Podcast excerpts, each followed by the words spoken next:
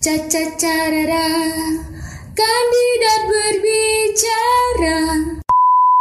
Banyak orang bilang cerita hidup kita dimulai pada hari saat kita lahir. Hai kandidaters, ketemu lagi nih dengan aku Anggun Permata Putri sebagai podcaster pada episode 6 kali ini. Nah, di episode kali ini kita akan ngebahas tentang film. Kenapa film? Yaps, karena pada hari ini adalah Hari Film Nasional. Wah, pastinya ada yang baru tahu nih kalau hari ini adalah hari memperingati film nasional. Lalu kira-kira kenapa ya tanggal 30 Maret dijadikan sebagai Hari Film Nasional? Oke, kita bahas terlebih dahulu dari sejarahnya. Ngebahas perfilman Indonesia, maka nama Usmar Ismail pasti gak asing lagi karena beliau adalah seorang sutradara film, sastrawan, wartawan, dan pejuang Indonesia. Beliau lahir pada tanggal 20 Maret 1921 di Bukit Tinggi. Film pertamanya yaitu dengan judul Harta Karun dan Citra. Beliau tuh berperan sebagai sutradara dalam pembuatan film tersebut. Tapi beliau tuh nggak ngerasa puas dengan karya pertamanya karena pada saat dia merilis film tersebut ketika sedang ditahan dan dipekerjakan di South Pacific Corporation, perusahaan produksi film milik Belanda. Setelah mengalami kejadian tersebut tuh, pada akhirnya bebas, beliau mendirikan perusahaan film nasional Indonesia atau Perfini pada tanggal 30 Maret 1950.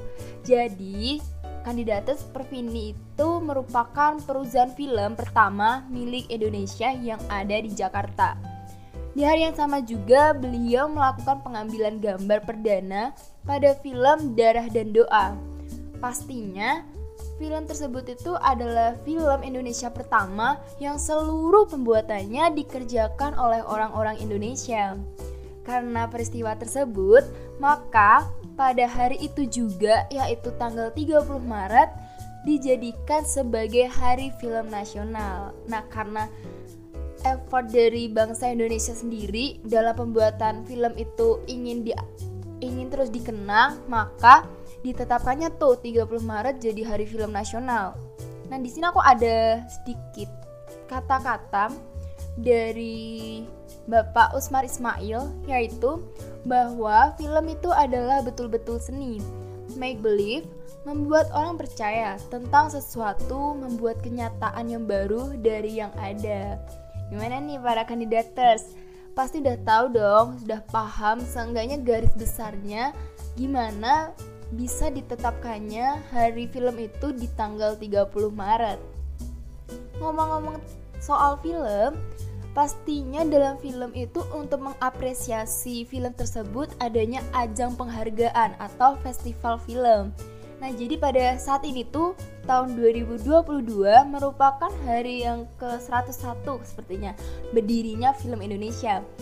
Karena film merupakan media yang besar, maka ada beberapa ajang nih atau festival penghargaan Indonesia mulai dari Festival Film Indonesia, kemudian Indonesia Movie Actors Award, uh, terus ketiga ada Festival Film Bandung, kemudian Festival Film Dokumenter dan masih banyak lagi. Tapi tapi kali ini yang kita bahas satu aja, yaitu Festival Film Indonesia. Di sini Festival Film Indonesia udah ada sejak 1955 dengan nama piala Piala Citra dan tahun 1967 berubah menjadi Pekan Apresiasi Film Nasional. Kemudian, di tahun 1973, festival ini mulai diselenggarakan secara teratur. Jadi, uh, dalam jangka waktu 67 ke 73 itu beberapa kali mengalami penundaan atau enggak diadakannya karena mungkin ada kendala atau dan lain sebagainya. Lalu nggak hanya namanya aja nih yang berubah tahun 1992 itu FFI ini sempat berhenti dan baru mulai pada tahun 2004 karena makin berkembang selain adanya Piala Citra Festival Film Indonesia ini juga memberikan Piala Vidya untuk kategori film televisi. Lalu di sini aku ada informasi atau data dari tiga tahun terakhir sorry empat tahun terakhir film yang memborong banyak sekali piala pada ajang FF ini. Yang pertama 2018 ada film Marlina si pembunuh dalam empat babak memborong 10 piala citra. Kemudian 2019 ada Kucumbu Tubuh Indahku memperoleh 10 piala citra. 2020 Perempuan Tanah Jahanam meraih 6 piala citra. Dan di tahun 2021 kemarin Piala Citra diborong oleh film yang berjudul Penyalin Cahaya sebanyak 27 piala dari dua sorry 12 piala dari 27 kategori yang dimenangkan oleh film tersebut. Di sini aku udah pernah nonton Penyalin Cahaya dan ceritanya menurut aku 9 per 10 dalam kategori film yang ingin menyampaikan pesan pesan tertentu atau pesan tertentu itu tentang seorang perempuan yang ingin memperjuangkan dirinya dalam kasus pelecehan seksual. Dan di film ini tuh momennya pas banget ketika sedang maraknya isu terkait pelecehan seksual. Jadi menurut aku layak untuk diapresiasi film ini dari alurnya kemudian perannya tokohnya itu bener-bener keren banget. Oke tadi kan kita udah ngebahas tentang ajang penghargaan karena di dalam film itu ada pemerannya mulai dari aktor, aktris, pemeran pendukung dan lain sebagainya. Nah di sini aku ada data nih tiga aktor terbaik tiga sorry tiga aktor terbaik dari tiga tahun terakhir. Yang pertama ada 2007, 2019 aktor terbaik yaitu Muhammad Khan dengan film Kucumbu Tubuh Indahku. Kemudian 2020 ada Gunawan Marianto dengan film Hirup Pikuk Si Alkisah. Lalu di 2021 Ciko Kurniawan dengan judul film Penyalin Cahaya dan untuk aktrisnya pada tahun 2019 yaitu Raihanun dalam film 27 Step of My 2020 ada Laura Basuki dalam film Susi Susanti Love All. Dan di tahun 2021 ada Arawinda Kirana dalam film Yuni. Nah dari tiga aktor dan tiga aktris ini jujur sih kandidates aku belum pernah nonton film itu. Jadi buat kandidates yang udah nonton atau yang mau nonton bisa nih dikasih ke aku atau DM di IG-nya kandidat college um, menurut kandidates film ini kayak gimana ya bagus atau enggak ya atau uh, hal apa yang bikin penontonnya tuh ngerasa penasaran gitu Oke, kita udah ngebahas apa lagi ya tadi? Sejarah, kemudian ada ajang aktor aktris dan satu lagi nih yang penting banget dalam film yaitu genre film. Nah, dalam film itu ada beberapa genre yang akan nantinya itu bisa apa ya, lebih spesifik gitu pembahasannya alurnya tuh ke yang romance, pendidikan, biografi atau apa gitu. Nah, di sini aku akan ngebahas beberapa genre film yang pertama ada biografi, di mana film yang bergenre biografi itu menjelaskan tentang perjalanan hidup seorang public figure atau tokoh inspiratif. Kalau ini, aku suka filmnya Habibi Ainun sih, bener-bener memotivasi aku secara pribadi, mulai dari kisah cintanya ataupun usaha dan perjuangan beliau tuh bener-bener patut diapresiasi keren banget. Lanjut yaitu ada romantis. Nah di genre ini cocok banget buat kalian yang suka dengan keuuan, kebucinan, dan fokusnya tuh tentang percintaan. Untuk romance kali ini aku rekomendasiin buat kandidaters yaitu ada ada apa dengan cinta atau AADC, kemudian Dylan Series dan yang terakhir ada Dear Nathan. Itu worth it banget buat kalian tonton. Ketiga itu ada dokumenter yaitu tentang dokumentasi faktual yang diulas secara rinci dan detail gimana dalam dokumenter itu menyampaikan pesan tertentu.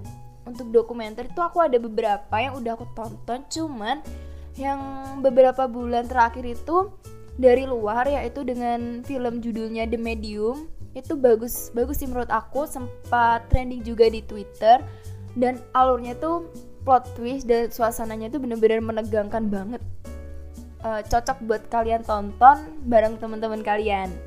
Dan yang terakhir ada pendidikan. Nah, di film pendidikan itu adalah film yang tujuan utamanya untuk mendidik.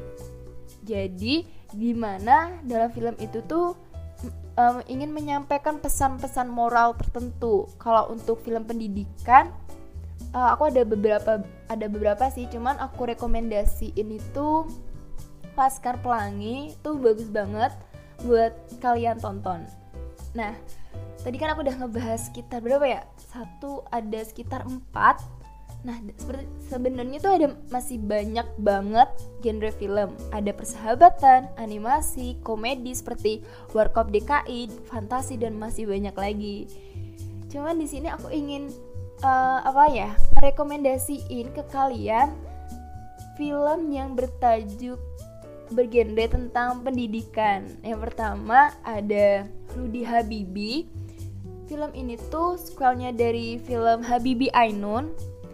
Kalau film sebelumnya itu yang Habibi Ainun tuh lebih ke romantisme, kasih cintanya Bapak Habibi dengan istrinya yaitu Ibu Ainun.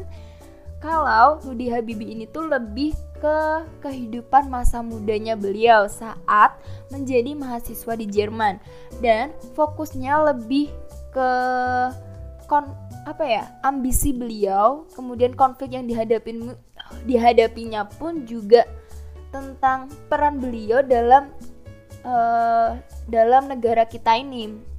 Lalu lanjut yang kedua ada film yang rilis ketika pas banget di hari pendidikan nasional yaitu pada tahun 2018 sorry sorry 2016 dengan judul film Mars. Keseluruhan film ini tuh mencakup misi dari pendidikan Indonesia dan ceritanya tentang seorang gadis dari keluarga miskin yang berhasil kuliah di kampus Eropa. Buat dapetin pendidikan itu, si gadis tersebut tuh mengalami banyak banget rintangan yang pastinya bakalan ngemotivasi kalian untuk lebih semangat lagi dalam meraih impian. Dan yang terakhir, aku ada rekomendasi dari kalian yang sempat aku tadi kasih tahu yaitu film Laskar Pelangi. Nah, di film ini tuh ceritanya tentang anak-anak dari desa Belitung, Sumatera dengan kondisi ekonomi yang sulit. Nah, si anak-anak ini tuh mereka berusaha untuk memperbaiki kondisinya dengan cara bersekolah bersungguh-sungguh dalam pendidikan untuk ngeraih cita-cita mereka. Nggak hanya pendidikan nih, kisah persahabatan mereka juga sangat menarik dan penuh makna. Untuk konfliknya, di film ini benar-benar menguras emosi penonton banget. Nggak kerasa ya, dari tadi tuh kita udah ngebahas banyak banget tentang film. Mulai dari kenapa bisa diperingati tanggal 30, kemudian ajang penghargaan, aktor aktris terbaik, terus ada penjelasan sedikit dari beberapa genre film, dan ditutup dengan rekomendasi film pendidikan. Saat ini, dunia perfilman di Indonesia setiap tahun menurut aku udah ngalamin peningkatan. Kita bisa ikut ngebantu dengan cara menonton film secara resmi atau legal, dalam artian tidak bajakan karena hal tersebut adalah bentuk apresiasi dan menghargai pembuat dan pemeran film tersebut. Nah, e, kemudian sebagai penikmat film atau kalian yang udah nonton film itu jangan sampai nge-spoiler film apalagi dalam sosial media karena hal tersebut itu biasanya ngeganggu banget buat kenyamanan secara umum. Nah, jadi jangan sampai kalian kandidaters nge-spoiler film ya.